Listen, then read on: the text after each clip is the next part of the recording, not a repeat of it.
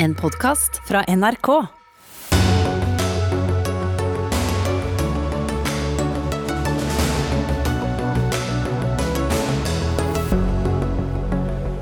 Det blir tvungen lønnsnemnd. Unio er skuffet, og regjeringen forteller hvorfor tvang er nødvendig.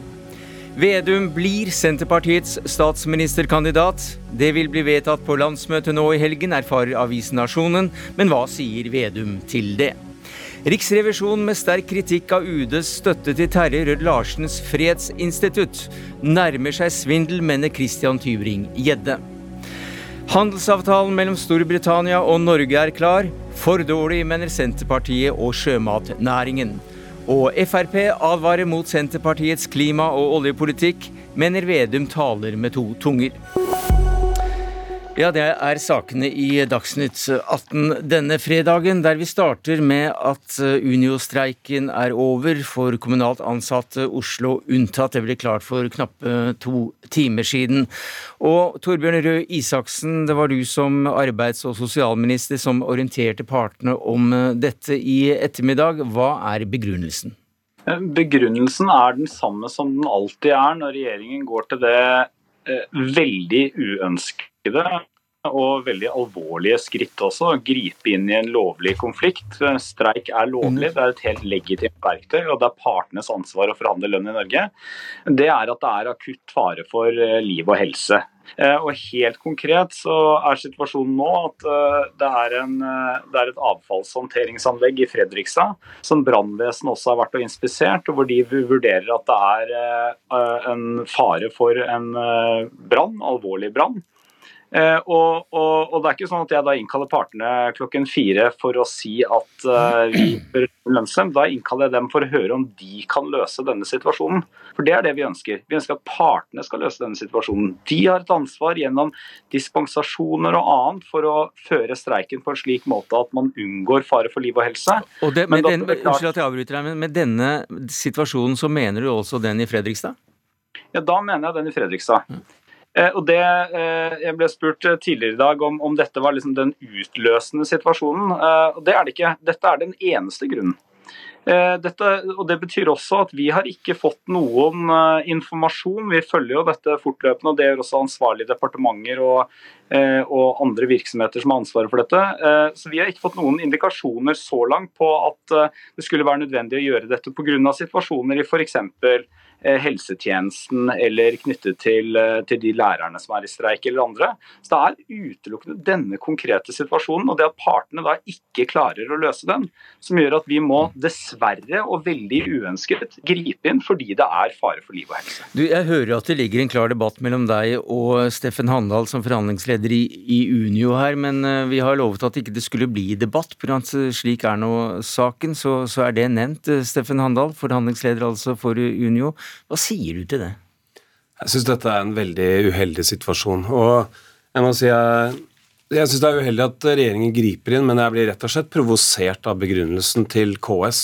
For det er klart Når vi innvilget en dispensasjon klokka ti over to i dag, nettopp til Frevar, som, det, som arbeidsgiver nå påstår at det er en situasjon med liv og helse rundt, så kan man jo lure på om man ikke fremprovoserer tvungen lønnsnemnd snarere enn å enn å løse den faktiske utfordringen som ligger der, som, som, kan hende at dreier seg om liv og helse. Jo, Men er det ikke dere som streikende da, som har ansvaret her, når dere har tatt ut folk i streik som setter liv og helse i fare, ifølge ministeren? Jo, det er en risiko, og det er helt riktig som Torbjørn Røe Isaksen sier. Vi har ikke hatt noe problemer noe annet sted. Vi har tatt et ansvarlig uttak. Jo, men er det ikke tabbe da å ikke, ikke, se på forholdene i Fredrikstad? Og, Dispensasjonen ble innvilget klokken ti over to i dag, så det var helt mulig å løse dette. Det faktiske problemet kunne vært løst i dag ti over to, men det ser ut til at arbeidsgiversiden ikke ønsket det. og I møte med Røe Isaksen så tilbød jeg meg til arbeidsgiversiden til liksom å Er det noe mer jeg kan gjøre for å unngå denne situasjonen? Det hadde de ingen kommentarer til. De hadde, hadde ikke ett eneste forslag til hvordan vi kunne løst dette. Tvungen lønnsnemnd løser i hvert fall ikke det som de 22 000 streikende har kjempet for, og som 380 000 medlemmer i Unio stiller seg bak, mm. nemlig rekrutteringsutfordringen i kommunal sektor. Vi klarer ikke å beholde de folka vi er helt avhengig av. Det er det som er det alvorlige problemet. og KS bør konsentrere seg mer ja. Men du skjønner det. det at KS var ikke invitert her i dag, sånn at det er eh, litt dårlig gjort overfor KS eh, å argumentere sterkt mot KS, og det er muligens vår feil at vi ikke gjorde det, men vi var faktisk ikke klar over akkurat det med grunnelsen her. Hvis ikke så hadde vi kanskje ikke godtatt premisset om at ikke det ble en debatt også med Røde Isaksen. Men eh, takk skal du ha, Steffen Handal. Vi må gå til Kristine Nergård som forskningskoordinator for Fafo. Så vet du mye om streiker, og hva skjer nå som det blir tvungen lønnsnemnd? Nå blir det sendt en proposisjon til Stortinget som da vedtar eh, en lov som gjør at den streiken her blir avslutta. Og så er det sånn at eh, partene i Norge er veldig sånn ordentlige, så når Isaksen nå har sagt at, det blir, eh, at man kommer til å fremme forslag om tvungen lønnsnemnd, så kommer helt sannsynlig medlemmene til Steffen Hamdal og andre til å gå tilbake til jobben med en gang. Det er ikke sånn at man venter til denne loven er vedtatt. Og det som skjer sånn rent praktisk, er at saken da blir sendt til Rikslønnsnemnda, som er det organet som eh, da fastsetter hvilke lønns- og arbeidsbetingelser betingelser som skal ligge i den tariffavtalen. Så nå kan du si nå er streiken over, og resultatet blir fastsatt av Rikslønnsnemnda. Og når er det da vanlig at eh, man går tilbake til arbeid? Med en gang. I dag? Ja, kanskje lærerne har kanskje allerede tatt fri, men de som skal tilbake til jobb, de vil gå tilbake til jobb så raskt som mm. det er praktisk mulig. Men det er jo flere streiker her? Ja, og de fortsetter. Og det er altså Oslo kommune? Oslo kommune og sykehusa. For de er ikke med i akkurat um, Unio kommune? Uh, nei, de er ikke med i heller, de er med i Unio kommune, men de er ikke med i uh, Altså, de er ikke omfattet av tariffavtalen i KS-området. Og det er jo som han sier, det er jo ikke lærere, førskolelærere eller sykepleiere som har utløst dette vedtaket. Det er jo noen ansatte på et uh, gjenvinningsanlegg i uh, Fredrikstad. Og de er nok ikke organisert verken i Sykepleierforbundet eller i Utdanningsforbundet. Men uh, kroner og øre, da? Hvordan pleier dette å gå for de som streiker og som til slutt da kommer i lønnsnemnda? De får det som ligger på bordet. Det den skissa som Riksmegleren la frem, og som de tre andre uh, godtok. Mm. Det er i hvert fall det som 2,7 eller var det 8 ja, 2,8. Det er med mindre Rikslønnsnemnda skulle gjøre noe som er veldig uvanlig, og det gjør de veldig sjelden. Takk skal du ha, Kristine Nergård, forskningskoordinator i Fafo, og til deg, Steffen Handal, leder i Utdanningsforbundet og forhandlingsleder i Union.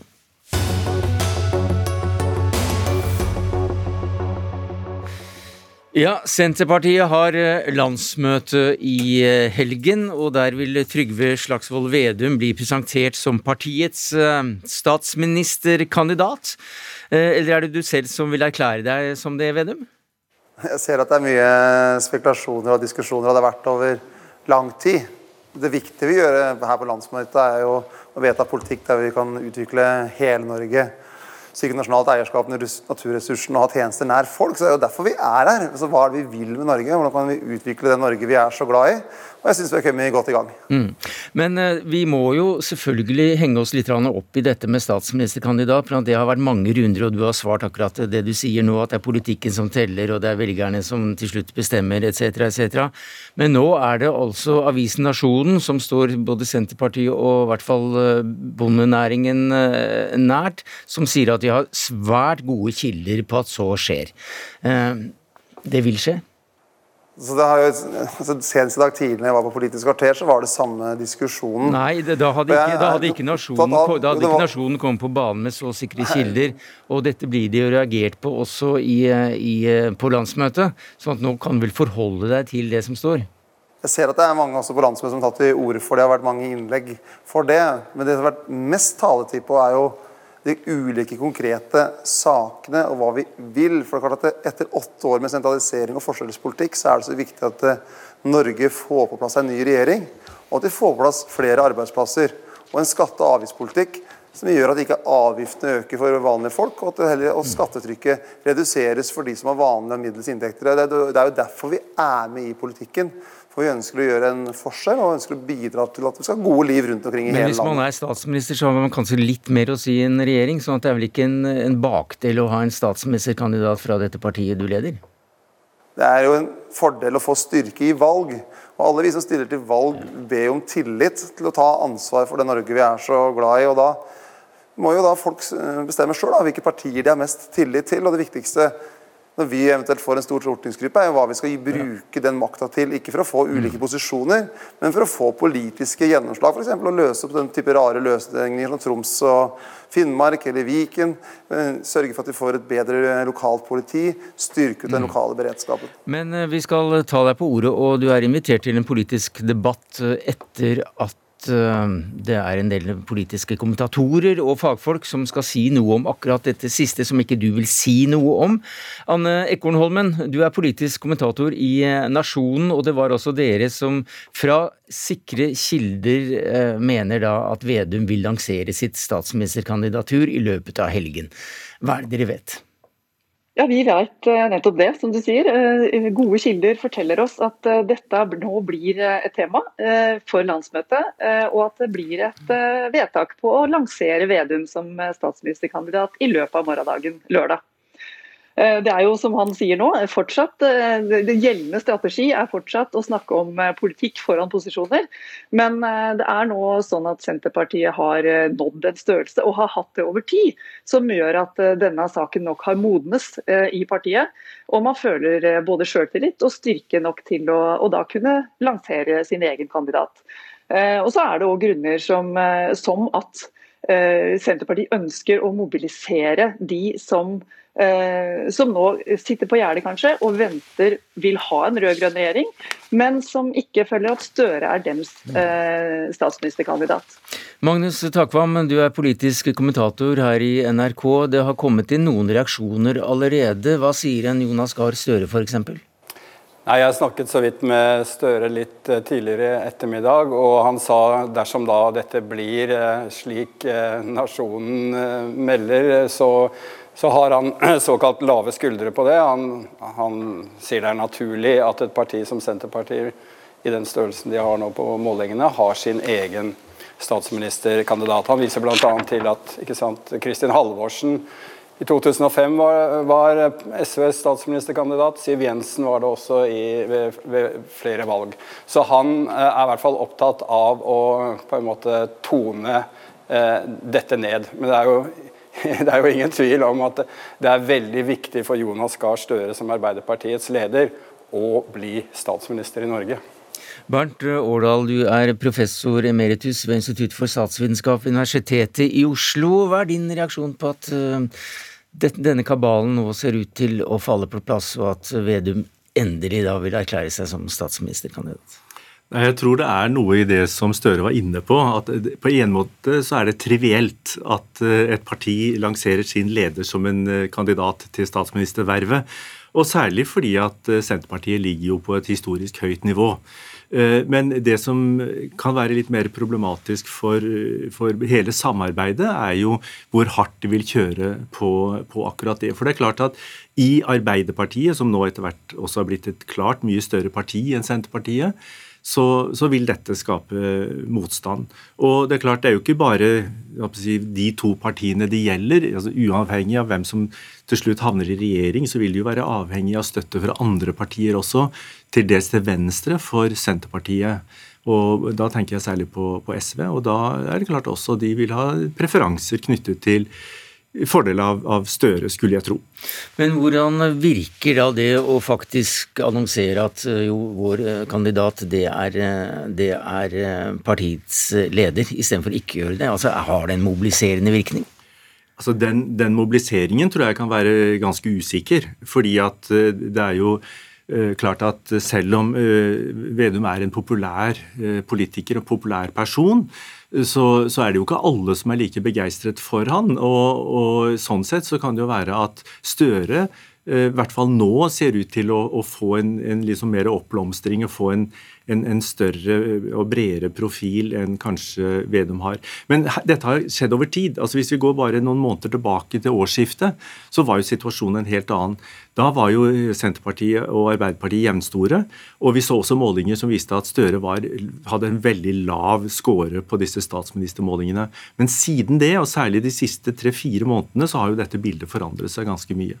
Ja, for da Liv Signe Navarsete gikk av som partileder i april 2014, da lå partiet altså ca. 4 prosent hadde de på meningsmålingene, og nå er det rundt 15-16-17. Hva, Anne Ekornholmen, da er det vel bare naturlig at en partileder også blir en statsministerkandidat, i hvert fall?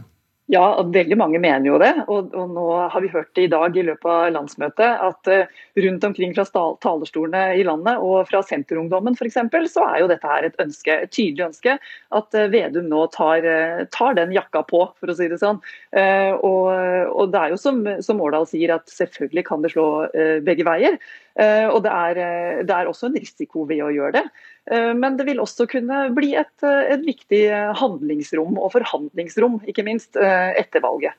Magnus Takvam, så langt har også da Senterpartiet sagt at de vil samarbeide med Arbeiderpartiet, eller vil i koalisjon regjering med Arbeiderpartiet, og det er det. Men er det så sikkert? Altså, den resolusjonen som har vært veldig mye diskutert om nettopp det, utelukker jo ikke eh, andre partier fullstendig. Da hadde det stått. Så de har et visst eh, handlingsrom. Men det jeg hører om det temaet, er f.eks. i en situasjon der de tre tidligere rød-grønne regjeringspartiene har flertall etter valget så sier man i Senterpartiet ok, hvis, det, hvis eh, f.eks. SV er mer opptatt av å skal vi si, verne ulven enn å få regjeringsmakt, så, så avgjør det saken. Liksom. I, I kortform betyr det at det er de politiske konfliktene og uenighetene med SV som vil, vil avgjøre det. Så, og så legger man jo til, eh, fordi Senterpartiet har jo fått kritikk for å være uklar her så repliserer de at eh, ja, SV har jo ikke engang sagt om de vil i eh, regjering. Og eh, dermed så har vi en, og Arbeiderpartiet er også uklar på om de vil ha en mindretallsregjering Eh, med, med, Senterpartiet. Så her er de på en måte like gode når det gjelder å være uklare. Men Bernt Årdal, vi har jo hørt eh, Senterpartilederen si at eh, det hadde vært kjempeflott med Arbeiderpartiet og, og Senterpartiet, at de hadde rent flertall, disse to partiene. Er det noe håp, tror du, for det, sett med deres øyne? Ja, altså Det er alltid håp. Det er derfor de driver med politikk. Men eh, vi må faktisk eh, seks år tilbake på meningsmålingene for å finne et flertall av de to partiene alene. Så det er jo, sannsynligheten er jo større for at eh, de vil trenge støtte fra andre. Og det er jo da dette med bl.a. budsjetter, hvor de trenger støtte for hele budsjettet og ikke kan kjøre slalåm. Og det er jo noe som i hvert fall en del ikke helt har fått med seg. De sammenligner med tidligere tider, bl.a. med Gro Harlem Brundtlands regjeringstid. At hun kunne kjøre slalåm, så da kan vel vi også gjøre det. Men der har man altså endret reglementet for hvordan budsjetter skal vedtas på mm. Stortinget. Så det er, krevende. Det er ikke så lett nå. Nei, det er mye mer krevende. Du må ha på en måte et flertall for helheten. Og da hjelper det ikke om du klarer å samle flertall for noen saker og så skifte det. Takk skal du ha, Bernt Årdal, professor, eh, professor, emeritus ved Institutt for statsvitenskap ved Universitetet i Oslo. Anne Ekornholmen, politisk kommentar i Nasjonen. Og til deg, Magnus Takvam, vår egen politiske kommentator. Det var det vi rakk fra landsmøtet så langt, men debatten med Vedum, den tar vi nå.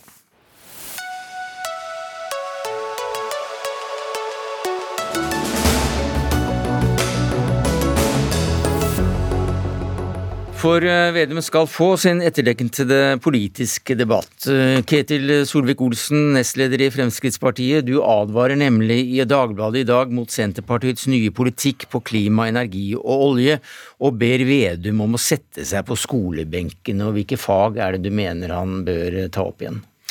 Det er enkel, elementær matematikk, tenker jeg. Fordi at eh, Jeg hører at Vedum snakker fint om olje, og det syns jeg er bra. Jeg kommer selv fra en region der olje har skapt eh, velstand og mye arbeidsplasser.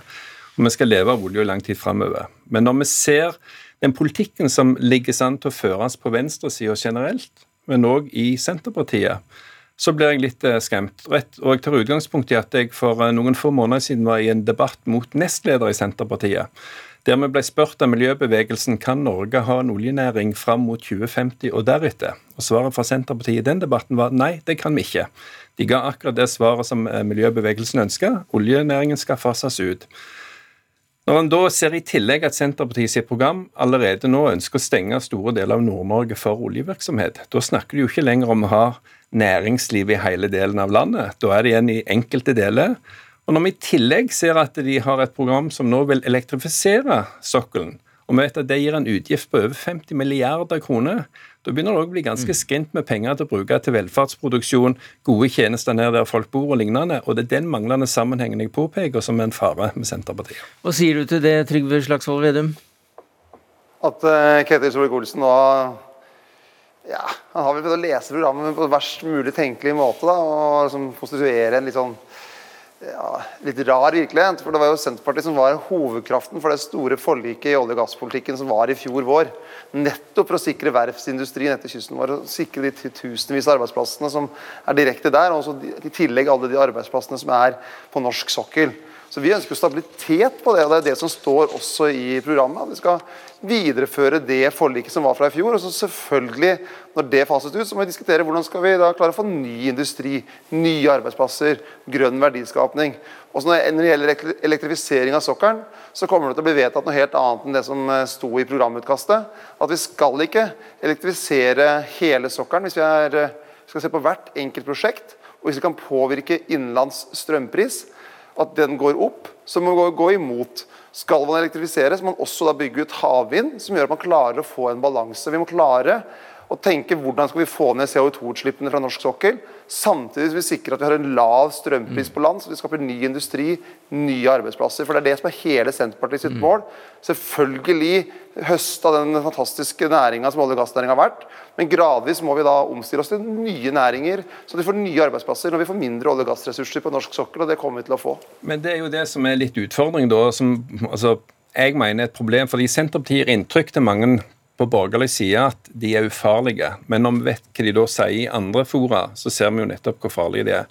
Og Nå nevner jo jeg at Senterpartiet i møte med miljøbevegelsen sier at de skal fase ut oljenæringen i løpet av de neste tiårene. Vedum sier det motsatte. Da er det jo veldig vanskelig å vite. Du kan ikke ha en argumentasjon der du, der, der du skifter den. Men, men, men, men, men la meg ta dette med elektrifisering av saken. Vi må høre det. Er, er det vingling her vi ser, rett og slett?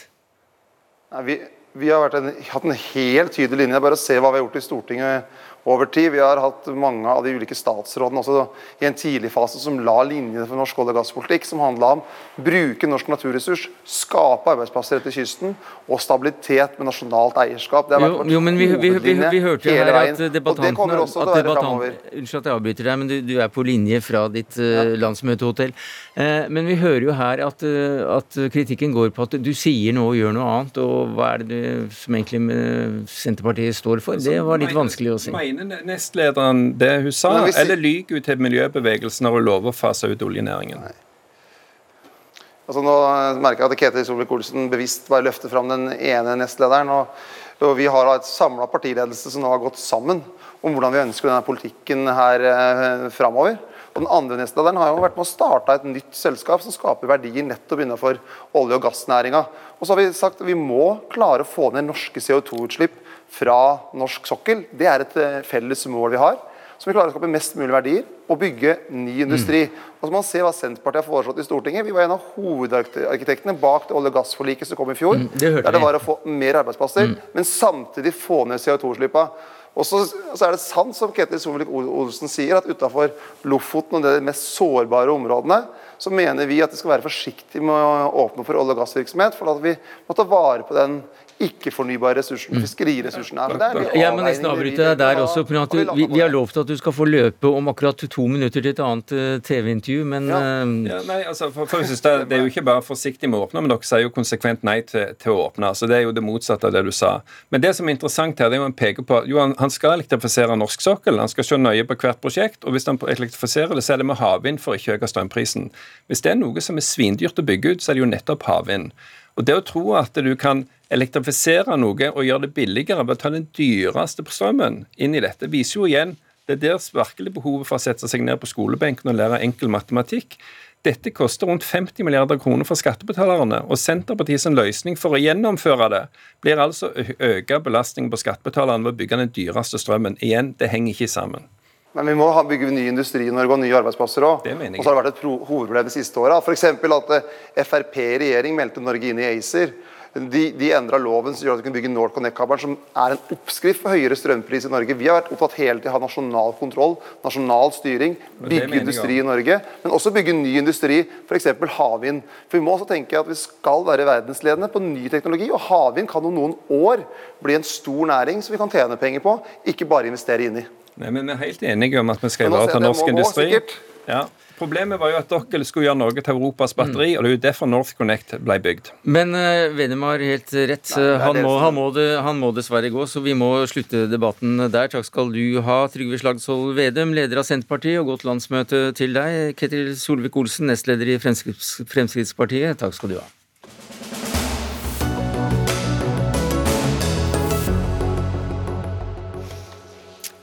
Så til eh, kritikken eh, vedrørende Utenriksdepartementets støtte til Terje Rød-Larsens International Peace Institute, eller IP.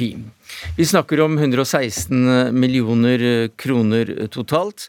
Eh, Riksrevisor Per Christian Foss, eh, dere har sett på perioden fra 2006 til 2012, og da ble det delt ut ca. 50 millioner. Og dere konkluderer med at UD ikke hadde kontrollert eh, hvordan IP bruker pengene, at UD brøt regler for saksbehandling og ikke tok habilitetsspørsmålet på alvor. Hva er alvorligst? Hele kjeden av svikt. Altså man eh, har manglet dokumentasjon på hvordan han drev saksbehandling nå i ettertid. For det er jo det vi går inn og, sjekker. Eh, og man kontrollerte ikke pengene, hvordan pengene ble brukt. Man spurte ikke engang for å få dokumentasjon på det. De stilte ikke noe krav om rapportering. Og de gjorde ikke jobben sin når det gjaldt eh, å ta habilitet på alvor. Altså var for nær kontakt mellom de som saksbehandlede i departementet, og eh, de som satt i IP den gangen. Ja, kan du være Hele- mer konkret? Hva? Kan du være enda mer konkret? Jeg har ikke lyst til å eh, bruke navn på, på enkeltpersoner her, bortsett fra å si, for når jeg hører Støre skal, også skal delta som statsråd, gjorde han det helt riktig? Eh, Det må jeg si, fordi at han fikk altså en betenkning fra Lovavdelingen som pekte på farene eh, for å være eh, inn, inn, altså utenfor i forhold til habilitet. Han påtegnet riktig og skrev at han forutsatte at videre saksbehandling ble sjekket opp. Gjorde tilsvarende sjekk. Det finnes det ingen dokumentasjon på. Jeg ser at vedkommende saksbehandler sier i avisen i dag at han vurderte sin habilitet. Ja, det er mulig, men det måtte være en samtale med seg selv. For det finnes ingen dokumentasjon på at han gjorde det. Heller ikke fra andre internt i departementet. Ja, for Det er ikke sånn noe hemmelighet hemmelighet at det er Geir O. Pedersen uh, som, som uh, du snakker om, for han skriver jo da i sin egen i en e-post uh, til Dagens Næringsliv akkurat det du nevnte, at han har vurdert sin habilitet, og det er det man skal. Man skal jo vurdere sin egen habilitet. Ja. Men det må dokumenteres i ettertid. Altså Man kan ikke si at jeg snakket med han en gang. Eh, Det må, det må være sporbart at det har skjedd på en korrekt måte. Og her syns jeg UDs saksbehandling i denne saken i disse årene, vel å merke, er sterkt kritikkverdig. Og så er det da en annen del av kritikken, nemlig at UD ikke kontrollerte hva disse pengene gikk til, eller fulgte opp hva IPI egentlig gjorde. Og, og, der, og der er det også kritikken mot utenriksministeren. Ja, det kan du si at eh, Men jeg uh, syns det er grenser for hva en eh, uminsk utenriksminister skal gå inn og, å sjekke enkeltsaker. Men eh, det må jo være et system i departementet at man etterspør. Og når de stiller krav til at det må bare gå såpass mye til, til administrasjonskostnader, og ikke mer, så må de iallfall sjekke at det har blitt tilfellet. Det har det UD ikke gjort. Så saksbehandlingen disse årene var slett, rett og slett. Jonas Gahr Støre, du er nå leder av Arbeiderpartiet, men var altså utenriksminister i mesteparten av denne perioden. Og du var vel godt kjent med at Geir O. Pedersen hadde et særdeles eh, godt eh, forhold til Terje Larsen. Så hvorfor grep man eh, ikke inn eller stilte habilitetsspørsmål tidligere? Det er riktig, jeg var utenriksminister i den tiden, og jeg står inne for at Norge bevilget penger til dette instituttet i de årene. Eh, Det, eh, et vikt, det var et viktig miljø for oss for å få eh, del av det internasjonale nettverket Norge var i knyttet til fred og forsoning, internasjonalt samarbeid, FN. Og så var avdelingen som håndterte dette, ledet av Geir O. Pedersen, som jeg fortsetter å si er en person med høy integritet, dyktig fagmann. og som styrte avdelingene på en god måte. Kritikken mot saksbehandlingen den tror jeg vi må ta til etterretning fra Riksrevisjonen. Jeg utfordrer ikke den. Jeg tenker at den må UD følge opp. Jeg går ut fra UD allerede har sett på det. Men eh, jeg vil komme til det med habilitetsspørsmål. så er Det jo sånn, eh, det er jo ikke riktig at alle mennesker skal gå til rettsavdelingen og dokumentere habilitet. De skal forsikre seg om at de er habile, og at de ikke kan stille spørsmål ved det. Eh, og Jeg vet at Geir O. Pedersen har arbeidet i nærheten av Terje Rød Larsen tidligere. Men det var aldri noe tvil hos meg at det gikk utover hans habilitet som en mann som på redelig vis kunne håndtere disse sakene. Og støtten til IPI gikk jo også ned i vår periode uh, i regjering, mens den økte kraftig i den regjeringen ja, Det kan vi komme oss. tilbake til. Men Foss, uh, det var altså ikke tvil om at habiliteten var i orden? Det hører jeg i ettertid. Det hadde vært interessant om det fantes et dokument som kunne dokumentere at det skjedde i datiden også. Større?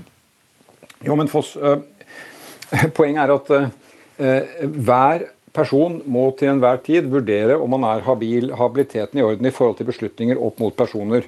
Hvis det er seriøst tvil om det, og det stilles spørsmål ved det, så er det klokt å gå til rettsavdelingen, eh, altså nei, Justisdepartementets lovavdeling, som gjør slike vurderinger. Da det kom spørsmål knyttet til Geir O. Pedersen, så var det min påtegning Sørg for å gjøre det. Det er klokt ja, det er å gjøre det. Og jeg bekreft, bekrefta at, at, det er på den måten. Men det er altså ikke slik at uh, folk uh, er i uklarhet i forhold til habilitet om de ikke har gått til den lovavdelingen. De må hver dag gjøre de vurderingene, fordi man er i en rekke forhold i et land som vårt, hvor man kjenner folk og er i nærheten av folk, og må vurdere om Eh, om det utløser spørsmålet om habilitet. Og jeg gjentar det. Geir O. Pedersen, som jo er en eh, anerkjent internasjonal diplomat også, mener jeg hadde, eh, hadde jeg, ikke, jeg hadde ikke noen grunn til å utfordre at det var ryddig fra hans side. Michael Tetzschner, som nestleder i utenrikskomiteen og utenrikspolitisk talsperson fra Høyre, så sier du at styrets sjenerøse pengedryss over daglig leder er påfallende og uskjønnsom, og de sikter da til eh, Rød Larsens eh, honorar, som da var drøye fire millioner kroner i, eh, i lønn. Men hvordan kan du ha en mening om det? Eh, nå skal vi ikke blande sammen to forhold, fordi det du siterte der, var en uttalelse til Dagens Næringsliv om forholdet i IPI. Altså, mm. Eh, og det er jo styret i IPI, og det, det, er ikke det vi diskuterer her. Det vi diskuterer er grensesnittet mellom norske skattebetaleres finansiering av eh, et prosjekt eller en organisasjon i utlandet. Og Der må jeg dessverre skuffe Støre med å si at han eh, tar jo alvorlig feil i, eh, i, når det gjelder inhabilitet der. For det første er det, bryr man jo ikke Justisdepartementets lovavdeling med, med, slike spørsmål. Det er, bare hvis det skal trekkes helt finurlige grenser. Her var det den interne rettsavdelingen i UD som i et forelegg til eh, Støre som utenriksminister gjør oppmerksom på at her er det mange forhold som tyder på inhabilitet. Og det er det samme som å si nå må du, minister, vurdere om eh, ikke også ekspedisjonssjef Pedersen skal rettledes i det videre arbeidet.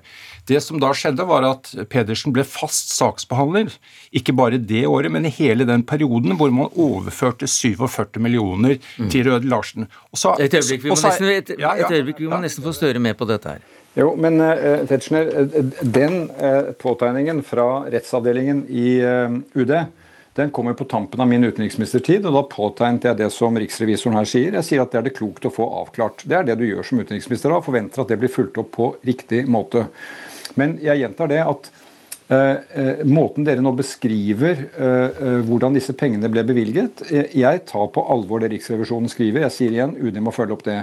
Men husk på det, dette er en annen type virksomhet enn å bevilge penger til en norsk organisasjon innenfor det norske rettssystemet, måten Norge virker på. Dette, et, et, dette et, var et miljø som var engasjert i fred- og forsoningsprosesser. Mm brakte folk til New York som vi var med og ledet samtaler med. Det var folk av ulik karakter, ikke, alle, ikke, noen som alle vi vil ha på middag uten videre.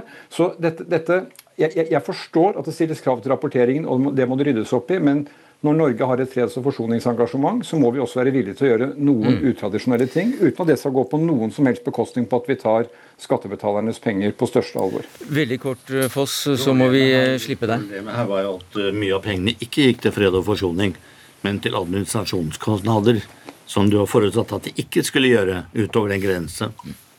Ja, Det må man se på. Eh, så må, så må en organisasjon må jo Et øyeblikk, jeg må, organisere jeg må høre Støre svar på det. Nei, altså Det er jeg enig i. Det er en klok påpekning av Foss. og Vi er jo alltid opptatt av å begrense penger til administrasjon.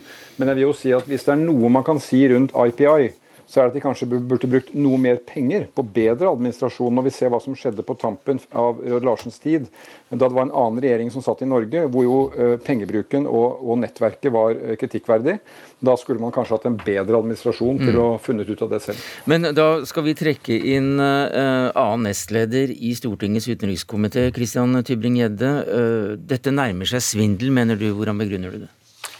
Ja, Når du ser de store beløpene som er betalt ut, og ser på Riksrevisjonens eh, reaksjoner og rapport nå, så dokumenterer egentlig det som veldig mange har eh, ment lenge. Nemlig at eh, Terje Rød Larsen har beriket seg på, eh, på skattebetalernes eh, regning til de grader. eh, Og inntekt på 4,6 millioner og en, eh, en lønn som vi sjekket ut på inntekt samme året på 7,6 millioner kroner. Men altså, det er styret hans i denne organisasjonen som har eh, satt dette lønnsnivået, ikke han. Eh, Ja, men du kan jo senke deg i norske forhold her. altså Hvis noen hadde fått 7,6 millioner kroner av det offentlige for å sitte i et styre, så hadde noen reagert for lenge siden. Men altså dette IP har altså fått eh, så mange millioner at eh, 36 millioner den tiden av Geir O. Pedersen, som han var ansvarlig for disse pengene og formidle disse videre. Jeg hører at Jonas Gahr Støre sier at han er en utmerket eh, person og embetsmann og alt mulig sånn, men det er jobben hans å si det, for han har jo god kontakt med han. Eh, Men jeg mener jo at UD er i ferd med å bli et hva jeg kan kalle et rottereir av eh, interne eh, utnevnelser og, eh, og, og kameraderi som vi må få en slutt på. Uh, i, i, Ja, et øyeblikk, Stø- Støre. Nei, vi må nesten få slippe til Støre på det. Altså, eh, eh, Ordene får være dine, eh, Tybring-Gjedde. Eh, Det er ikke UD som utnevner direktøren i dette instituttet. Eh, Og jeg vil bare si, jeg har vært utenriksminister i syv år. Det er mange ting å ta tak i i UD, stor organisasjon. Jeg tar sterkt avstand fra at det er et rottereir. Der utnevner man folk etter grundige prosedyrer, mange av dem i statsråd. Og man følger opp sitt store internasjonale engasjement med samvittighetsfullhet.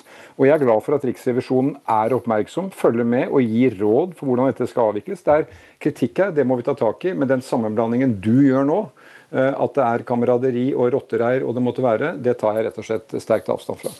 Det er det vi har erfart. Altså Hvor mange ganger skal man erfare det før man kan konkludere med det som faktisk er sant? Hvis man blir forvirret av fakta, så burde man kanskje tenke seg om en gang til. Og du er inhabil i det du sier, faktisk, Jonas Gahr Støre. Du har vært utenriksminister i så mange år og har kjennskap til dette så mye internt. Jeg kommer helt utenfra og inn og ser dette gjennom den informasjonen jeg får av Riksrevisjonen og gjennom informasjonen jeg får som politiker. Men det er vi, det er vi som lar Støre snakke her, da. Så for oss er han ikke inhabil akkurat i denne saken. Tetzschner, du var jo Nei, det, det er han heller ikke. Han må jo kunne svare på sin embetsførsel. Det hadde vært til hjelp for alle parter hvis man også var eh, villig til å, til å se på realiteten her. Men jeg skal gi um, Tybring-Gjedde rett i, i utgangspunktet, og det er at habilitetsreglene, hva er det? Jo, det er gjerdet mellom uh, havresekken og bukken.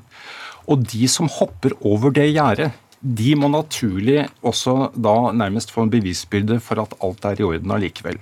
Og Hvis man da ser på de ytre forhold, så kan man jo se at i den tiden Gahr Støre eh, var i ministerstolen, la oss si at han ikke hadde ansvaret for eh, budsjettet for 2005, men fra 2006 og frem til eh, 2013, hvor hans etterfølger Barth Eide også inngikk en toårsavtale som ytterligere bandt Norge til, til, eh, til faste utbetalinger av meget høy kategori, så har jeg altså i den perioden hvor, hvor Arbeiderpartiet har hatt eh, utenriksministeren, 90 millioner gått til IPI og Terje Mm. Rød Larsen. Og det, Et øyeblikk, Støre. Vær så god. Kan jeg si Nei, det? eh, de, eh, Tetzschner han har lest tallene helt sikkert riktig. Jeg mener det har vært grunngitt det. Så kan du legge til hvor mye penger ble gitt til IPI i de årene Børge Brende og eh, Ine Eriksen Søreide var utenriksminister.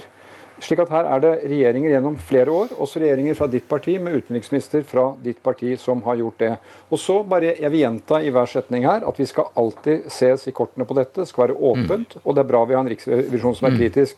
Men altså, eh, Tybring-Gjedde mener at jeg er inhabil fordi jeg var utenriksminister. Hallo, da er det i hvert fall, da bør juristen Tetzschner ta en tur eh, ut. Nå er kafeene åpne. Nå kan han informere Tybring-Gjedde om hva habilitetsregelverket er. Det blir sikkert en, en, en hyggelig seanse, vil jeg, vil jeg tro. Men, Det gjør jeg men, med men, glede. ja, Ja, Men, men til, tilbake til, eh, til, at det faktisk er to Høyre-statsråder inne her også, som har bevilget en stor del penger. Og vel mer penger enn Arbeiderpartiet. Og, og bare for å si det, Ine Eriksen Søreide var invitert, eh, og det var også statssekretærer. De er ikke her, så det er derfor du er her.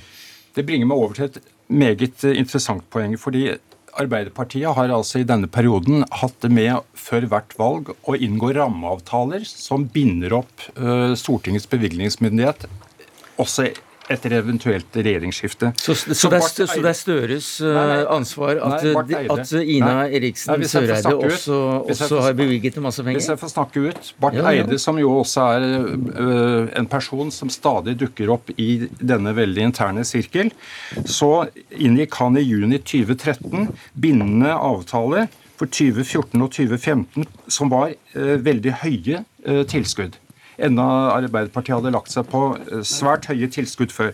Og hvis du spør om Børge Brende og Ine Eriksen Søreide, så ble det for, for det første pengestøtten kuttet etter 2018. Null kroner fra Norge. Og i 16, 17 og 18 så trappet man ned mm. til null. Det var vel etter at Dagens Næringsliv hadde kommet med sine eh, avsløringer? Jeg tror vi skal se på dette litt bredere enn å bare se på IP. For å se på Rød Larsens karriere, som kanskje ikke har vært den største suksessen når det gjelder fredsforhandlinger Nei, i Midtøsten. Han, han, er her altså ikke, selv om han ble men det er jo han invitert. vi diskuterer. Altså, jo. jo. det er greit nok, han har rømt unna mediene hele tiden. Om det er Utenriksdepartementets håndtering av denne saken vi først og fremst nettopp, og hvis debatterer. På, og hvis du ser på du må, du må dra inn disse som er riktig, nemlig de som er involvert her. Og Det er også Mona Juel, som har blitt forfremmet i denne perioden, helt opp fra ambassadør i London til nå ambassadør i FN. Som er kona til Terje Rød-Larsen. Som igjen er en god venn venninne av utenriksministeren, dagens utenriksminister, og kona til Jens Stoltenberg. Og, dette er jo, dette er jo, og det er mange flere involvert i dette. Og når du ser på alle de som har fått fantastiske stillinger ute, så er det jo syv-åtte nordmenn av statsminister og utenriksminister som nå styrer omtrent hele Europa Europa og en del av verden, at vi i lille Norge skal ha så unik kapabilitet og unik kapasitet og unik utdannelse til å lede alle disse organisasjonene. Jeg kan ramse opp om det er Jagland eller Brundtland eller Stoltenberg eller, eh, eller Barth Eide eller han Vennesland, som nå også har fått en fantastisk jobb i FN. Det er så mange nå som, har, som nå har fått jobber gjennom Norge og gjennom hva skal, hva skal det være? Fordi at, Ikke bare at vi er så fantastiske diplomater, men fordi mm. at vi har et bistandsbudsjett på 40 milliarder kroner, som indirekte gjør at vi er kvalifisert til mange av disse stillingene. Jeg tror ikke vi skal ta hele den eh, debatten der. Men eh, Støre, er det riktig det at Geir eh, O. Pedersens kone fikk jobb i IP etter at Norge begynte å støtte senteret? Det er ikke jeg kjent med. Eh, jeg har lest i avisene noe om det, men jeg er ikke kjent med hvem som har vært ansatt i IPI. Det er ikke noe som jeg har vært med å kontrollere som utenriksminister. Hvis jeg bare lyst på å si til, tilbake igjen til Tybring-Gjedde. Um, altså, jeg tror ikke at det er at, du er at du kommer fra Arbeiderpartiet, eller at Norge har et bistandsbudsjett som gjør at Jens Stoltenberg blir generalsekretær i Nato og Torbjørn Jagland ble valgt til leder av Europarådet. Jeg er egentlig ganske stolt over at vi har nordmenn, kvinner og menn, som blir valgt til ledende verv der ute i en verden som krever mye internasjonalt samarbeid. Og når du på en måte omtaler dem på den måten og kaller dette for et rottereir, så tror jeg at de som engasjerer seg i internasjonalt arbeid, ikke lar seg avskrekke av det, og det bør de heller ikke. Tetsen. Ja, altså Tybring-Gjedde er en god illustrasjon på at man eh, ikke får så lett for å svare for seg når man bryter habilitetsreglene. Og, og det å bryte habilitetsreglene er ikke det samme som korrupsjon, men det åpner veien for det og gir grunnlag for slik spe spekulasjon. Og Da må vi også tenke på at eh, altså Jeg har den største respekt for Geir O. Pedersen som, eh, som uh, diplomat, men han tok jo også selv verv i IPI. Eh, så her var det en dobbeltbinding eh, som med tiden også viser seg som faller utenfor Riksrevisjonens undersøkelse nå. Men så har jeg lyst til å si, eh, når Tybring-Gjedde er så streng fordi man har visst om dette i UD og definert det som et problem. Så nå har man gjennomført en resultatportal som alle med PC kan gå inn og se hvilke tilskudd gis, hva går det til, og det er helt annen, et helt annet regime for evaluering, måloppnåelse. For det, det var også ja, noe av vi må nesten få bare en kommentar det som kjennetegnet kritikken her, at ingen spurte hva pengene gikk til. Men mitt poeng var at Jonas Gahr Støre kjenner alle disse her. og det er klart at Når du har kjennskap og vennskap og du kjenner dem, så er det veldig vanskelig å være helt lite, like objektiv. Det er samme som noen sier at jeg sier at min kone er vakker, så er det klart at det er ganske objektivt, selv om det er subjektivt. Hvordan blir det da? det er i hvert fall riktig, for å si det sånn, men det er mange som kan utfordre det. Og det er det som er mitt poeng. Mitt poeng. Men iallfall så blir det spennende å se om Riksrevisjonen da følger akkurat denne saken her fra 2012 til 2018, da altså store deler av perioden så var det Høyre som styrte dette regimet. Ja, Det er derfor systemet er forbedret. Takk skal du ha, Per Kristian Foss, eh, Riksrevisjonens leder, som eh, vi har eh, sendt ut pga. koronatiltak. Christian Tybring-Gjedde, andre nestleder i Stortingets utenriks- og forsvarskomité. Michael Tetzschner, første nestleder i Stortingets utenriks- og forsvarskomité fra Høyre. Og Jonas Gahr Støre, leder av Arbeiderpartiet, tidligere utenriksminister.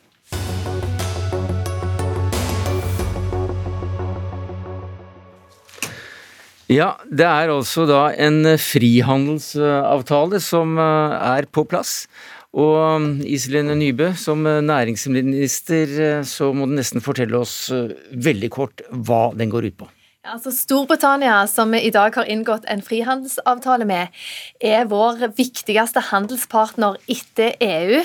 Så det å få på plass forutsigbare og gode vilkår eh, for, eh, for, norsk næringsliv har vært veldig viktig. Og i dag kunne vi legge fram eh, den mest ambisiøse og største frihandelsavtalen vi har utenom selvfølgelig EØS-avtalen. Så det har vært en god dag for norsk næringsliv i dag. Ja. Og både du og um, statsministeren smilte om kapp på pressekonferansen i dag, og det er selvsagt da brexit, altså EUs utmelding, som gjør at det var nødvendig med en ny avtale. Og hva er det viktigste i denne avtalen, hvis du kan være ganske kort og konkret? Det er for det første at vi får ha nulltoll på industrivarer inn til eh, Storbritannia. Men det er òg en viktig avtale på tjenester. Eh, den mest ambisiøse avtalen vi har på offentlige anskaffelser. Han er viktig for studenter som skal ha godkjent utdanningen sin, eh, som de har tatt i UK. Eh, vi har roaming inne, som kommer til å være til stor glede for alle som reiser til Storbritannia. Så dette er en meget omfattende avtale, men det mest kan si, krevende med forhandlingene har nok vært det som går på varer.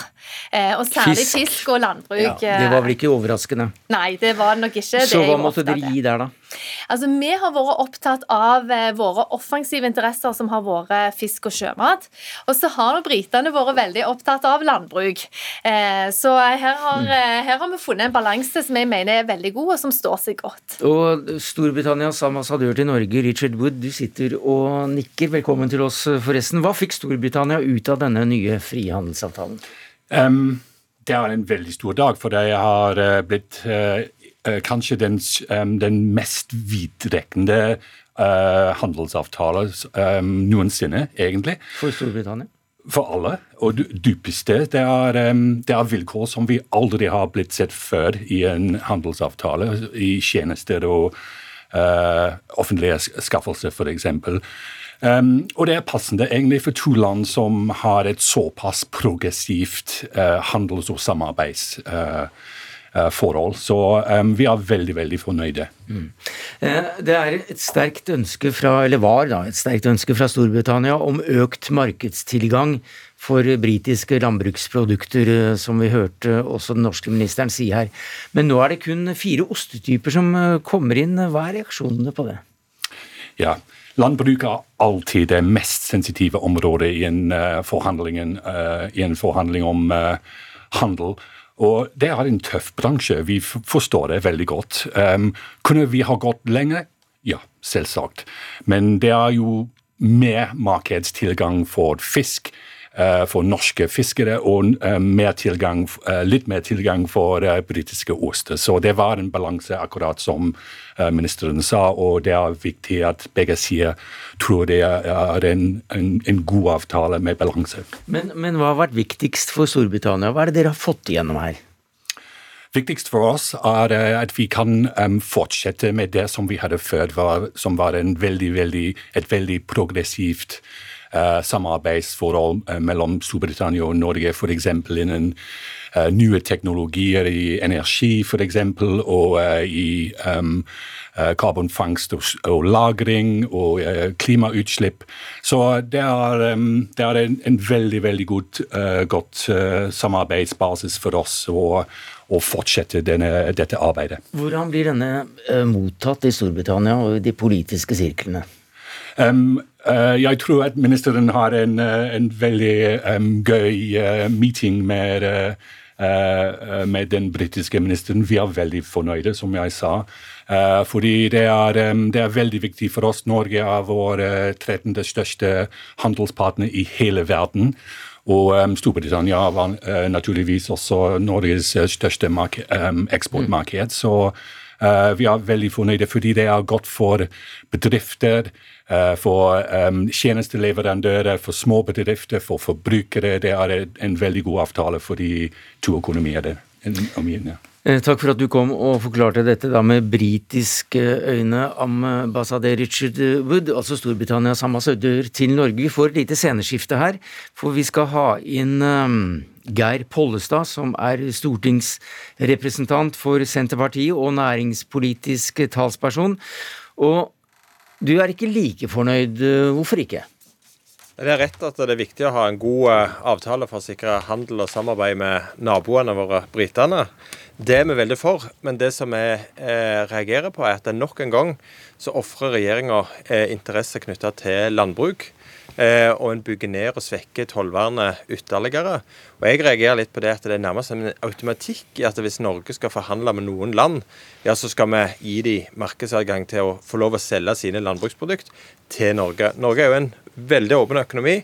Vi har veldig lite toll, eh, og jeg mener det måtte være mulig Eh, å inngå en frihandelsavtale uten å koble fisk og landbruk, sånn som det kan se ut som regjeringa har gjort her. Og jeg opplever at en har gitt en del på landbruk, men en har fått veldig lite på fisk.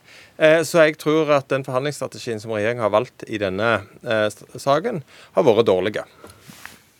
Ja, jeg mener jo ikke, ikke, det. Jeg mener vi har fått eh, en god avtale. Vi har satt ned noen viktige grensepåler når det gjelder landbruk, sånn at vi har ikke gitt storfekjøtt, vi har ikke gitt kjøtt av sau og lam, og vi har heller ikke økt importen på ost utenom disse fire ostene som blir nevnt.